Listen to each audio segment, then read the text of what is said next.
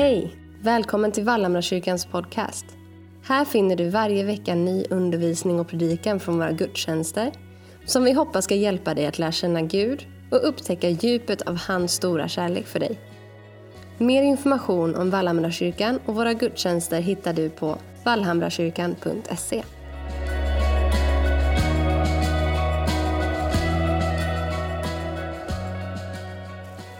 Det är inte så ofta som man är i en kyrka där man har två predikstolar. Jag valde den här nu för att inte göra mig märkvärdig, utan jag tycker det är trevligt att få stå här och se er på nära håll. Det är så underbart att få vara med i den här gemenskapen och få vara med och mötas, Gerd och hennes man som nu har ett fantastiskt musikaliskt liv. Och det är så fantastiskt härligt. Hör ni mig nu när jag pratar här?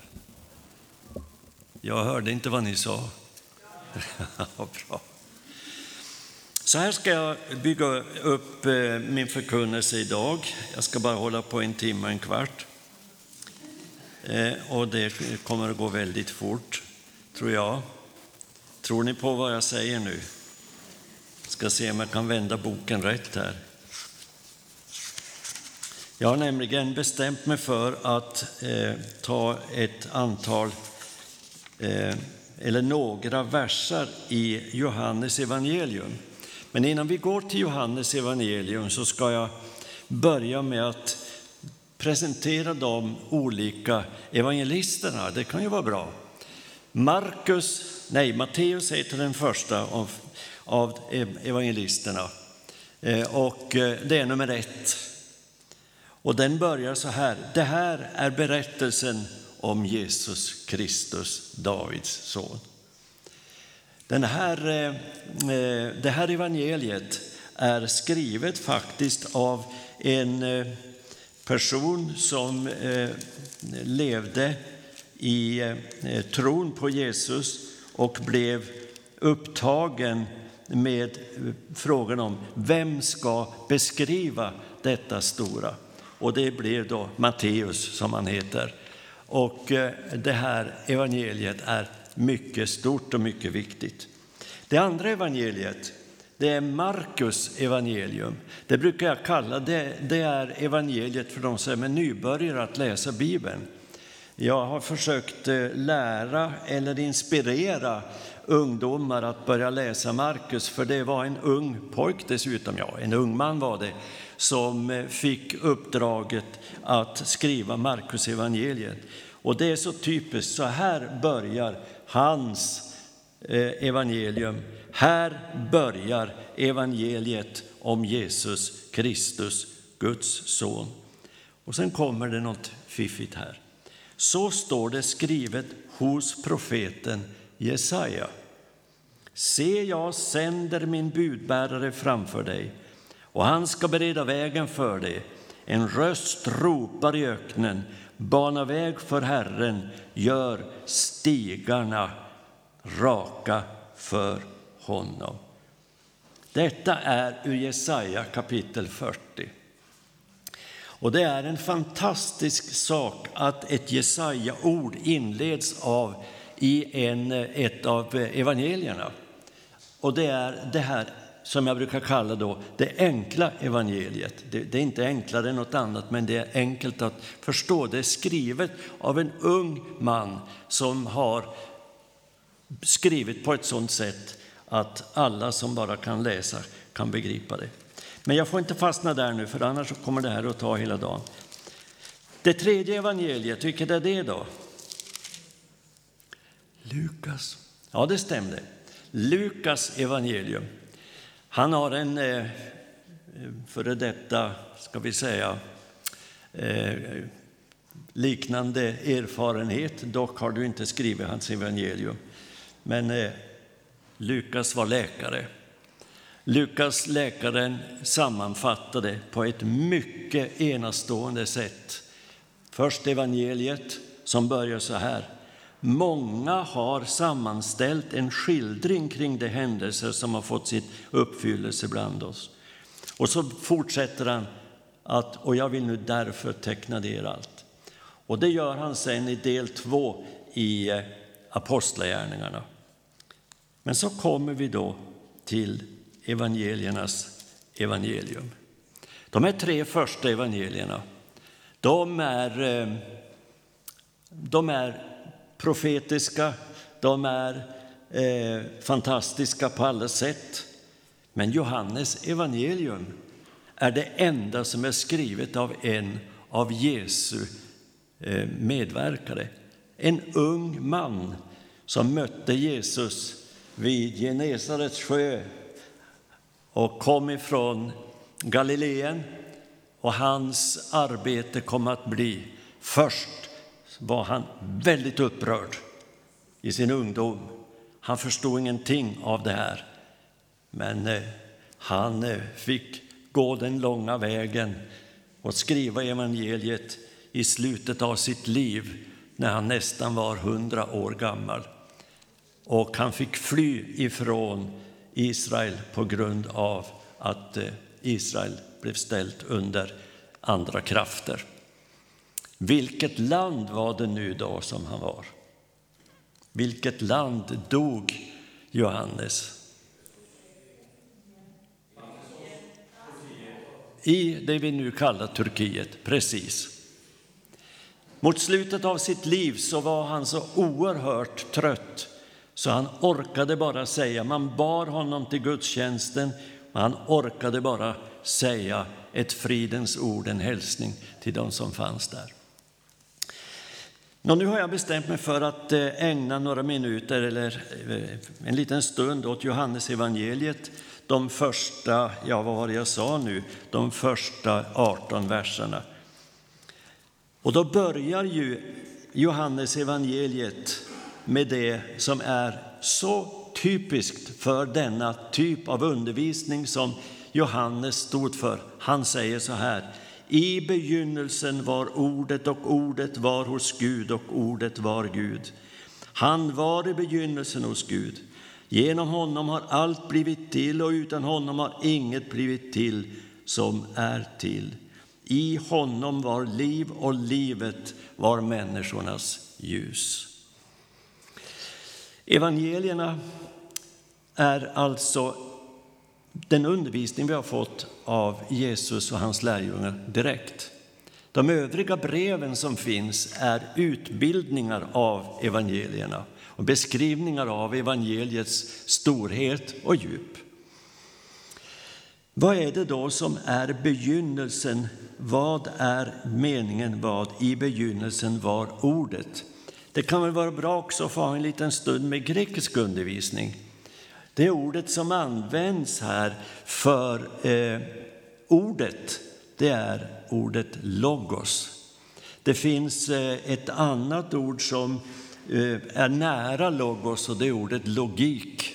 Och det som det handlar om här, det är att evangeliet är verkligen logiskt. Det byggs upp bit för bit och börjar ifrån början. Ibland kan det vara roligt att få säga också att i begynnelsen var ordet. I begynnelsen skapade Gud himlarna och jorden. Eller himmel och jord beroende på vilken läsning man har där. Och då heter det ju Bershit bara. Och det låter inte så positivt på svenska när man säger de där orden. Men det handlar om att allting har en begynnelse, logos. Vad är grunden till vårt evangelium? Jo, det är ordet. Ordet är det. Logos. Logiken i den kristna tron är att det finns någonting som bärs upp, blir buret upp i tron. Begynnelsen, det är just det här ordet på hebreiska då, bereshit. Och det har, det har så stor betydelse så att allt det som har en begynnelse började, det var ordet. Ordet uttalades. I begynnelsen skapade Herren, står det i Första Mosebok 1. Men det som han beskriver det med det är I begynnelsen är allt. Och det är ordet som är allt. Ja, vi ska väl kanske inte fördjupa oss nu för mycket i alla små krumelurer i allt det här. Men han påminner ju då också i vers 2. Han var i begynnelsen hos Gud. Genom honom har allt blivit till och utan honom har inget blivit till som är till. Kan man göra det mer tydligt? I honom var liv och livet var människornas ljus. Så de fyra första verserna handlar om en sak, logos, ordet, budskapet. Logos. Kommer ni ihåg det nu? Nu ska jag läsa nästa versar. Från verserna 5 till 11 så går vi rakt in i en konfrontation med vad som har hänt i världen. Då läser jag ifrån vers 5 i Johannes evangeliet. Och ljuset lyser i mörkret, och mörkret har inte övervunnit det. En man trädde fram, sänd av Gud. Hans namn var Johannes. Han kom som ett vittne för att vittna om ljuset, för att alla skulle komma till tro genom honom. Själv var han inte ljuset, men han kom för att vittna om ljuset. Det sanna ljuset som ger ljus åt alla människor skulle nu komma till världen. Han var i världen, och världen hade blivit till genom honom, och världen kände honom inte. Han kom till sitt eget, och hans egna tog inte emot honom. Men åt alla som tog emot honom gav han rätt att bli Guds barn, åt dem som tror på hans namn. De är inte födda av blod eller av köttets vilja eller av någons, någon mans vilja, utan av Gud. De här verserna som jag nu gick igenom skulle man egentligen kunna hålla på hela eftermiddagen, för det är ett enormt stort spektrum. Vem är nu denne man som träder fram? Jo, det är ju döparen, Johannes döparen. Han skulle vittna om ljuset. Han var inte ljuset, men han skulle vittna om det. Sen lämnar då eh, 6, 7, 8 lämnar Johannes när han skriver det här och går in i en helt annan dimension nu. Det sanna ljuset som ger ljus åt alla människor skulle nu komma till världen. Det var Jesus. Det är det som är nyheten i Johannes evangeliet i förhållande till skapelseberättelsen i Första Moseboken. För skapelseberättelsen handlar just om skapelsen. Men här kommer nu det sanna ljuset som ger ljus åt alla människor ska nu komma till världen. Och det är Jesus som föds och lever ungefär 30 år i Israel, eller i, i den världen som vi kanske får kalla mer än Israel, för det var flera delar, men vi kallar det för Israel.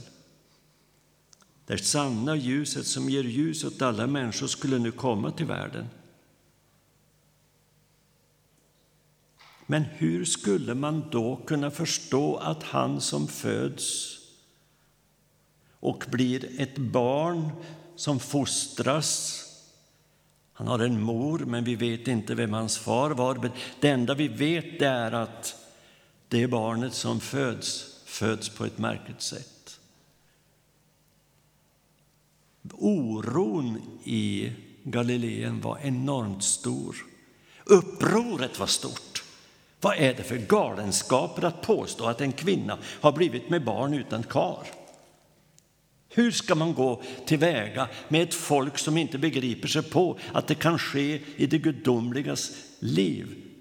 Nej, för det fanns nämligen en troenderörelse, en flera rörelser i den judiska världen på den här tiden där man med bestämdhet visste exakt hur allting skulle vara, det vill säga de visste ingenting.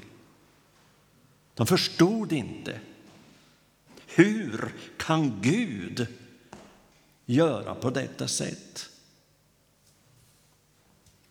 Det sanna ljuset som skulle komma till världen.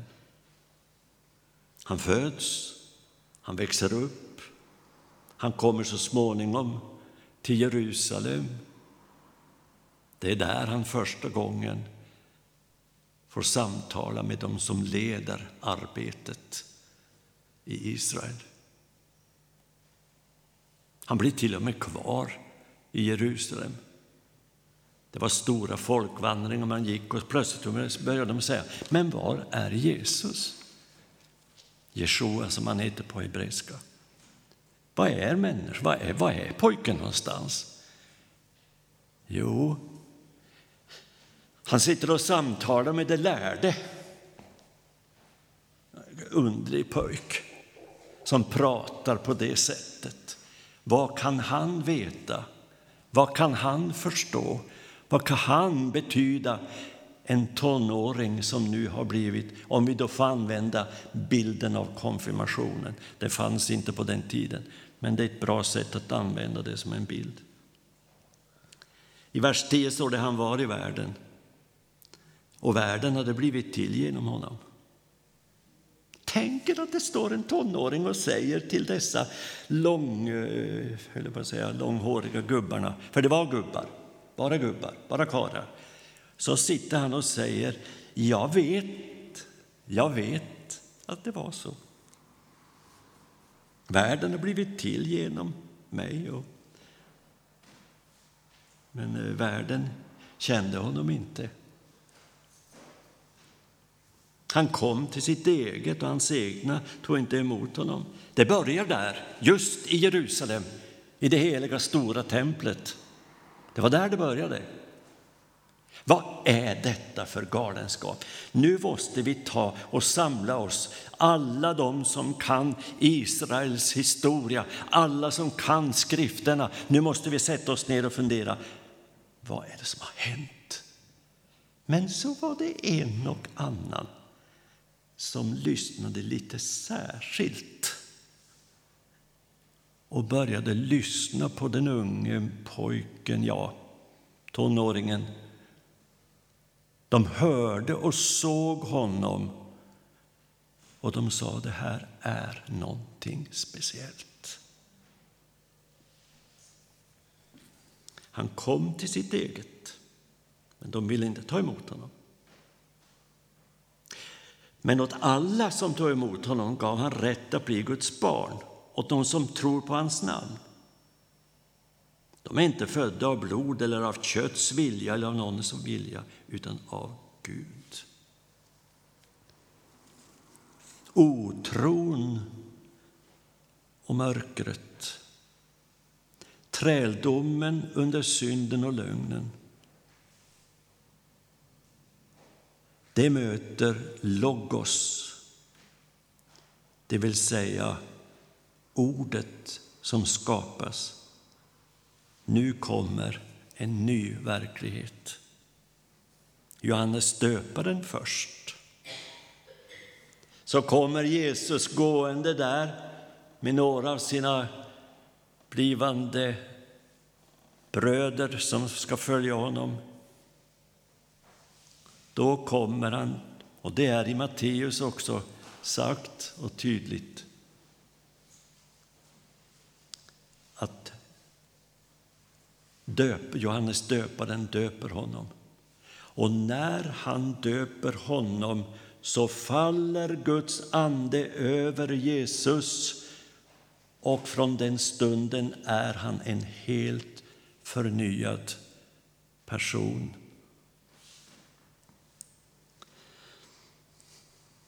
Det kan man läsa vidare i första kapitlet om döparens vittnesbörd, men det tar vi inte upp idag för då kommer vi inte hem förrän till middagen. Men en sak är en mycket viktig sak för oss att veta, att Jesus var gudomlig ända från början. Men det var inte alla som såg det och förstod det. Det är inte födda av blod eller av köttets vilja eller av någon mans, mans vilja, utan av Gud. Det som kommer till tro, det som vill leva det nya livet.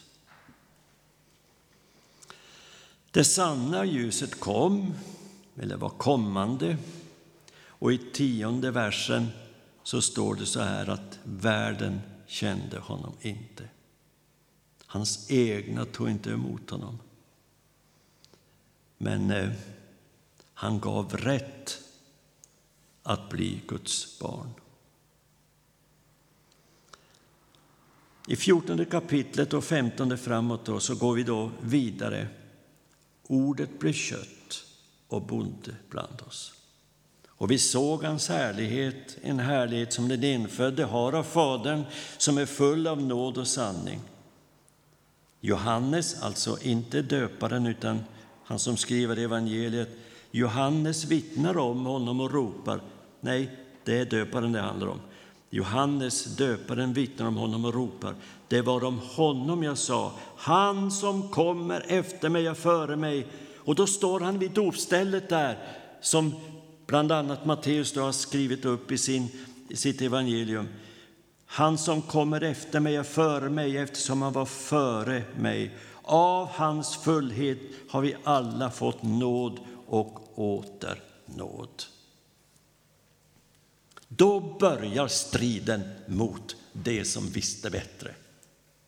Nu gäller det för oss att se till att denna vilde pojk, ungdom, unge man uppifrån Galileen, det måste ha slagit runt fullständigt i huvudet. Men samtidigt hade de sån respekt för Johannes döparen. De visste att Johannes döparen hade att göra med Gud och de visste att när Gud är och färdig, då får man vara försiktig i sina uppfattningar.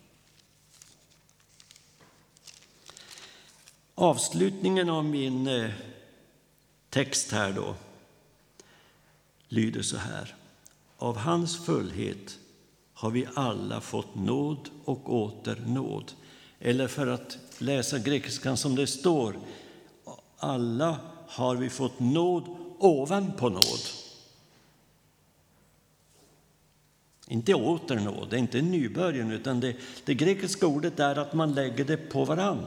Det blir mer, det blir färdigt, det blir klart. Ty lagen, alltså Toran, Israels Torah, gavs genom Mose. Nåden och sanningen kom genom Jesus Kristus. Ingen har någonsin sett Gud, den enfödde som själv är Gud och är hos Fadern, har gjort honom känd. Nåd ovanpå nåd, nåd ovanpå nåd, det är sanningen om Jesus Kristus. Varför är det så viktigt att jag vill en söndag som den här, en vacker söndag när man skulle kunna sitta hemma och lyssna på nyheterna halv ett och sådär. Vad är det som gör att vi plötsligen då behöver få den här hälsningen från Johannes evangeliets absolut största händelse som har hänt på jorden, att Jesus kom?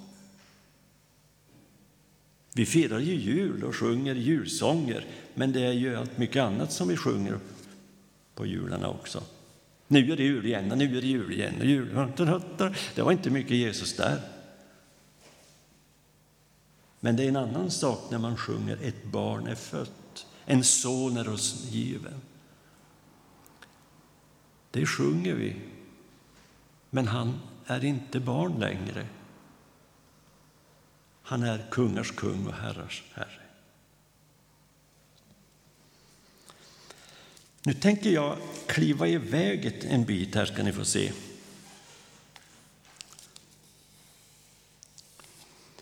Jag ska börja med att ta oss med i, nu lämnar jag liksom grunderna här och går till fyra händelser som är så viktiga att få med. Om du har Bibeln med dig så gå till Johannes kapitel 19. För där ska vi få se en mycket spännande sak. Vi vet ju alla att Jesus får lida döden. Han får gå och eh, offra sig för det som ska bli det nya livet. Men nu ska vi läsa ifrån när Jesus hade, var på väg och skulle korsfästas så står det i 19 och 25 så här i Johannes evangelium. Vid Jesu kors stod hans mor och hennes syster Maria som var Klopas hustru och Maria från Magdala. När Jesus såg sin mor och bredvid denne henne den lärjunge som han älskade sade hans mor sade han till sin mor Kvinna, se din son. Sedan sa han till lärjungen, se din mor, och från den stunden tog lärjungen henne hem. Jag har valt den här perikopen helt enkelt bara därför att jag tycker den är så speciell. Det är alltså Johannes 19 och 25. Jesus hänger på korset. Det är snart slut med hans mänskliga vandring. Och så är de där ett gäng systrar. Först är det hans mor och hennes syster. Och de här två har samma namn. De heter Mariam på hebreiska, men Maria går bra att säga. Och när Jesus ser sin mor och bredvid henne den lärjunge som han älskade sa han till sin mor, kvinna, se din son. Det här är mycket intressant. Det är nämligen så att på det här sättet tar nu Herren själv och installerar en av lärjungarna, den enda som har detta företräde. Han får nämligen bli tillfällig son till han i sin tur nästan hundra år gammal i landet som inte var hans eget. Han blev den som fick vara till, till ska man säga, gå in i, i sin Herres väg. Det är mycket märkligt att det står att han var den lärjunge som han älskade. Det finns flera orsaker till det här. En av orsakerna är att Johannes var ju ung, som jag sa. Fiskarpöjk, har jag lärt mig att säga det nästan på den här dialekten. Pappan var fiskare och alla arbetade i Genesarets sjö för att få mat för dagen. Men Johannes har det visat sig vara ganska envis. Han hade en egen uppfattning om det mesta, vilket de flesta brukar ha, men han hade det så tydligt att det var nog bäst att han fick, för det han skulle arbeta med hela sitt liv, så var det viktigt att han verkligen blev förankrad i ordet. När sedan denne Johannes, lärjungen som han älskade, när detta sker så växer den unge mannen, kanske 20 år, ända fram till han dör nästan 100 år gammal. Evangeliet är skrivet i slutet av hans tid. Evangeliet är skrivet inte i det heliga landet, utan i ett annat land. Nu ska vi gå till 20 kapitlet. Jesus lider, dör och uppstår. Och då får vi gå snabbt till kapitel 20. Då ska jag läsa en av de absolut mest underbara berättelser jag vet. Hänger ni med nu? Så ska vi titta i Johannes 20, vers 11. Maria stod utanför graven och grät. Medan hon grät lutade hon sig in i graven, alltså gravrummet som var som, en, eh, som ett rum. Hon fick då se två änglar i vita kläder sitta där Jesu kropp hade legat, den ene vid huvudets plats och den andra vid fötternas. Och de sa till henne, de sa, jag vet inte om de pratade i mun på varandra eller hur de gjorde, men de sa till henne, Kvinna, varför gråter du? Hon svarade, de har tagit bort min herre och jag vet inte var de har lagt honom. När hon hade sagt det vände hon sig om och fick se Jesus stå där, uppstånden alltså. Men hon förstod inte att det var han. Det kanske inte var så märkligt att man inte förstod det, eller hur? Kanske var lite nytt bara. Det är inte så vanligt att ”jaha, har du uppstått idag?” utan det var verkligen hon såg Jesus, men hon förstod inte att det var han. Jesus sa till henne, Kvinna, varför gråter du? Vem söker du? Hon trodde att det var trädgårdsmästaren och sa till honom, Herre, om det är du som har fört bort honom, så säg till mig var du har lagt honom så jag kan hämta honom. Jesus sa till henne, och då säger han det på ett sådant sätt att hon måste höra Maria. Men han säger det på hebreiska, Miriam. Då vände hon sig om och sa till honom på hebreiska, Rabuni, är det du? Då vände hon sig om, det betyder lärare då, och Jesus säger till henne, rör inte vid mig, för jag har ännu inte farit upp till Fadern. Men gå till mina bröder och säg till dem att jag far upp till min fader och er fader, till min Gud och er Gud. Och sen kommer det så torrt avslutat. Maria från Magdala gick då och berättade för lärjungarna att hon hade sett Jesus. Han hade sagt det här till henne, till dem. Det blev så torrt liksom på slutet där. Det var ju så kraftigt och så, så gick, gick hon och sa det till dem och så fick de veta det. Nu vet vi att det blev lite mer livat. Men det var i alla fall svårt för dem att förstå det här. Här har vi i berättelsen Rör inte vid mig. Varför ska hon inte röra vid honom? Hon stod ju alldeles bredvid honom. Hon ropade ut till honom, Rabuni! Hon kanske kastade sig på marken och ville ta i hans fötter, för det gjorde man på den tiden. Om det var någonting som var betydelsefullt och viktigt, då rörde man vid deras fötter. Då säger han, rör inte vid mig. Jag tolkar berättelsen att han går upp till Fadern. Vet ni varför jag tror att det är så? För det står ju sen längre fram att han är upptagen till himmelen. Men det här är inte det. För vad som händer här, det är det som jag brukar kalla det stora musikaliska vidundret som sker när Jesus stiger in i det fullbordade tabernaklet och så tänds den eviga försoningselden som säger en sak, eller försoningsverkligheten som säger en sak. Nu är allt fullbordat. Ingen förstod det. Ja, egentligen inte jag heller, men jag, jag, jag, jag tar det så. Därför att det var så oerhört starkt. Varför säger, hon bara till, varför säger han bara till henne, rör inte vid mig? Jag har försökt hitta vad folk som är duktiga teologer har skrivit om det här.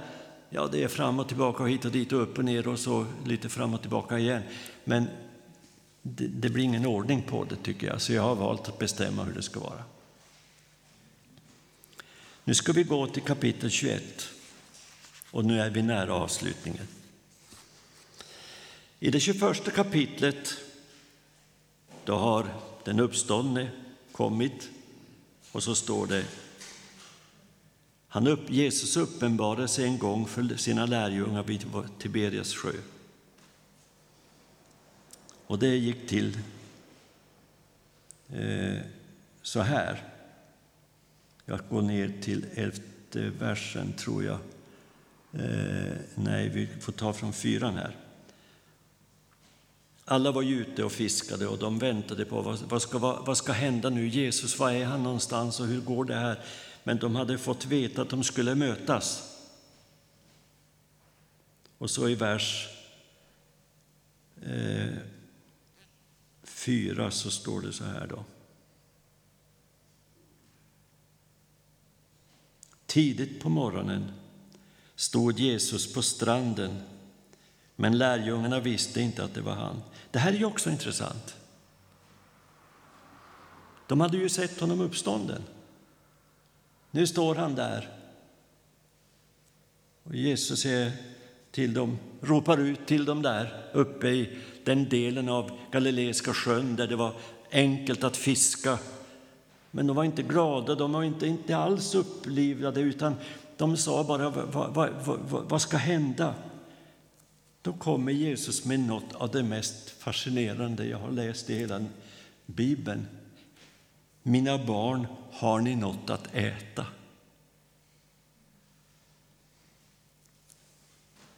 De svarade nej. Jag älskar den här. Har ni något att äta? Nej. Han sa, och så kommer det här. Det är så typiskt Jesus. Kasta ut nätet på högra sidan om båten så ska ni få. Då kastade de ut nätet och nu orkar de inte längre dra upp det för all fisken.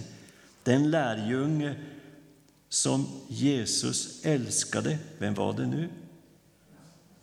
Vad sa ni? Johannes. Sa då till Petrus, det är ju Herren.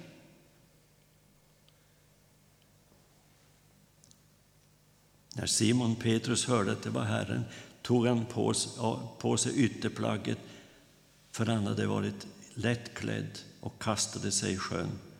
De andra lärjungarna kom efter i båten. De var inte långt från land.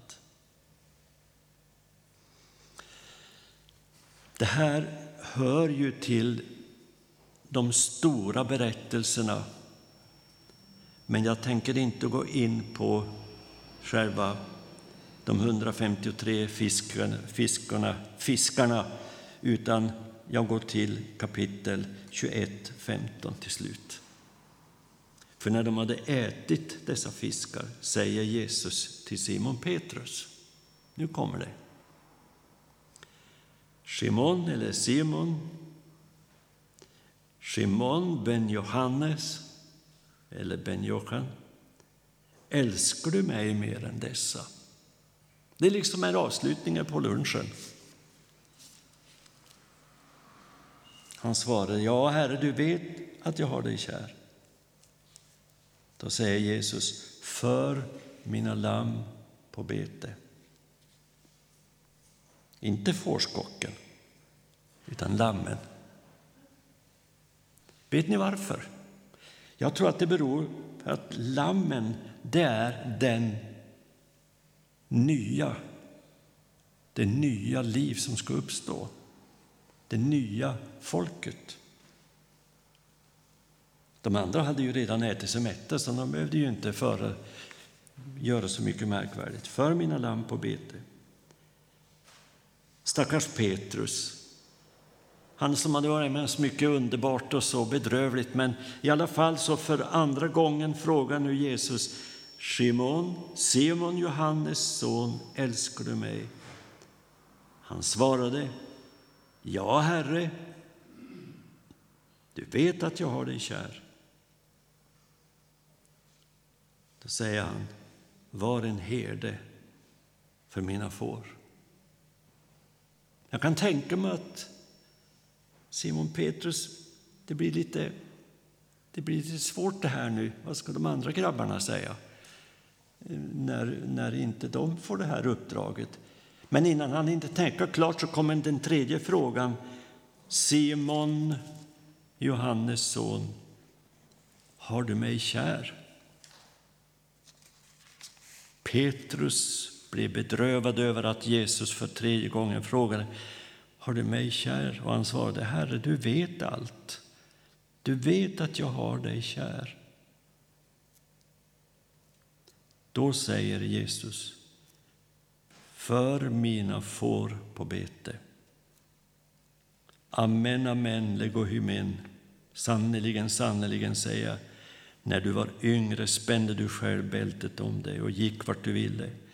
Men när du blir äldre ska du sträcka ut dina händer och en annan ska spänna bältet om dig och leda dig dit du inte vill. Detta sa han för att ge känna vilken död Petrus skulle få härliga Gud med. Sedan sa han till honom, följ mig. Nu kommer finalen här. Det här är helt makalöst intressant, tycker jag i alla fall. Efter det här, han måste ju ändå ha fått någon slags chock, Petrus. Kanske större chock än de flesta saker man kan få. Han måste ju ha varit fullständigt vimsig på något vis. Så han vänder sig om och fick se att den lärjunge som Jesus älskade, nu kom han där igen. Följde efter. Det var han som vid måltiden hade legat vid Jesus sida och frågat Vem eh, är det som ska förråda dig? Och Det får man gå tillbaka och läsa om. När Petrus fick se honom frågade han Jesus nu här vid sjön. Herre, men hur ska det gå med honom? Godpojken. Hur ska det bli med han då? Ynglingen. Vad har han för uppdrag då? Han har varit hemma hos din mor och det har väl varit bra. Han har varit med och fiskat hela sitt liv så det var väl inget nytt. Då säger Jesus någonting som kan bli ganska jobbigt för Petrus. Om jag vill att han ska vara kvar till jag kommer, vad rör det dig? Följ du mig. Så kom ryktet. Det här är roligt.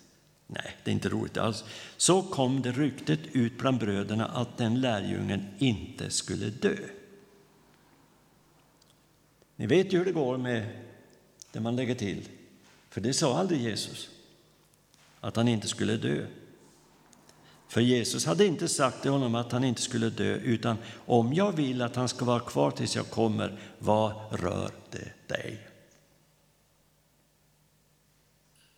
Jag tror inte att det skadade Johan, Petrus särskilt mycket, denna reaktion. Jag tror inte att det skadade den yngre Johannes. Jag tror att han visste i sin ande vad det skulle bli för liv. Alla lärjungar som vandrade med Jesus, alltså hans lärjungar i lärjungakretsen, utom Johannes, dog offerdöden, mördades. Den enda som överlevde det var Johannes som bodde i ett annat land som var så älskad som satt och samtalade med sina unga medarbetare. Skriv som jag säger. Jag tror, ja det gör väl ni också att ni tror, det har jag ju inte räknat med något annat än att ni tror. Men jag tror att det är svårt för nutidens människor att begripa sig på något så bedrövligt svårt som hela denna händelse. Vi började med hur det, hur det bröt fram en ny tid med Jesus och slutar med det som är den stora händelsen med Johannes. Johannes har också skrivit tre brev. Kort, ett är längre, tre brev det i mitten eller om det är sisten och det, senare, det, det kortaste. Men alla de där breven handlar om en viktig sak. Håll fast vid tron. Jesus är med. Sen har han skrivit apost- nej, eh, Uppenbarelseboken. Den begriper ingen människa, tror jag. Att det har skrivits hundratusen utläggningar om den boken.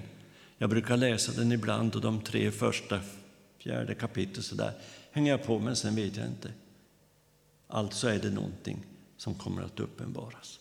Nu har jag hållit på länge. Snart är det kaffedags. Men jag vill i alla fall uttala att jag tror att vi är inne i en mycket spännande tid nu. En mycket spännande tid. Nu är ju medelåldern vad jag förstår här med oss. Vi ungdomar då och så några som är eh, två, tre år äldre. Men i alla fall så är vi ganska många som har uppnått en sån ålder att vi vet så mycket om vad som händer i världen. Men det som jag skulle vilja uppleva, det är till att börja då med nya evangeliet, nya förbundets evangelium, hela nya förbundets undervisning, men naturligtvis också allt som står i de profetiska orden. För det kan komma en tid när vi inte får läsa. Det kan komma en sån tid. Jag säger inte att det är så, men nog är det märkligt att det kommer båtar från ett annat land som inte alls har någonting att göra med våra vatten. Ni kanske läste det i tidningen eller i, på nätet här igår eller förrgår. Ni kan ta reda på det och ta reda vad det är. Vad är det de är ute efter? Ja, de ska väl testa båtarna naturligtvis. Ja, men det finns ju världshav. Vem ger sig iväg hit upp mellan Finland och Sverige och kör där? Nu menar jag ingenting, jag bara, jag bara kom på. Det var ju intressant. Bestyckade med vapen så de kan utplåna både Finland och Sverige om de vill. Nu blir det inte så. Det blir inte så. Men om det nu blir någonting annat när man säger nu stängs kyrkdörrarna för all tid. Nu är det slut med pratet om Jesus. För det är mycket prat om annat, men väldigt lite om trons ord som orkar bära oss fram till den stund när vi säger nu är jag redo att gå med dig. Jag talar mest till mig själv. Jag vet precis hur det är. Vi nämnde att det är inte så många år sedan som den här kyrkan fylldes. Och Det kan mycket väl hända att den fylls igen. Men det viktigaste är att vi får ordet som inte är en dom, utan en uppenbarelse. Halleluja, säger jag väldigt gärna. Fast jag har en, ett barnbarn som säger halleluja och jag sa det heter inte så men, men man ändrar inte på barnens uttryck. Halleluja. Så det var lite halleluja. Men då, var, då är det så här vet ni, att vi är inne i en tid och vi som är här denna dag, vi är med i en tid av uppbyggelse. Här sitter så många med så mycket kunskap. Varför är vi så tysta? Varför är vi så tysta?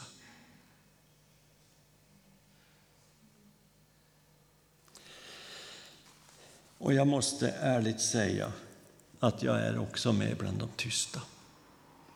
Jag skriver och skriver och skriver och läser och läser. Jag har hållit på med Jesaja. En ganska lång bibeltext kan jag lova. Jag är inte riktigt klar än. Det tar tid att läsa hebreiskan också, för det är inte säkert att man vet vad det handlar om när man läser bara hebreiska. Så får man börja om. Men jag har lagt märke till en sak. En sak har jag gjort, jag har kollat hur mycket Jesaja kommer i Nya testamentet. Det är väldigt mycket Jesaja. Och en sak som finns i Jesaja, som är så oerhört stark, de sista kapitlen, det är det som ni nu ska göra. Ta med oss i lovsången, prisandet, jag har suttit och läst lite grann om pingströrelsens utveckling i början. Det var ju makalöst alltså.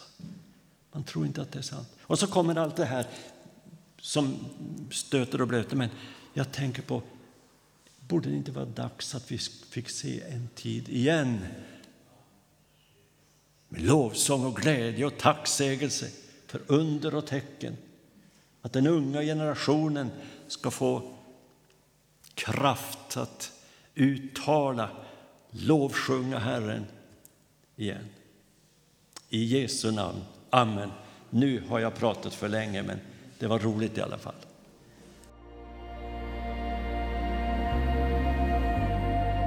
Tack för att du har lyssnat på veckans predikan från Vallhamrakyrkan.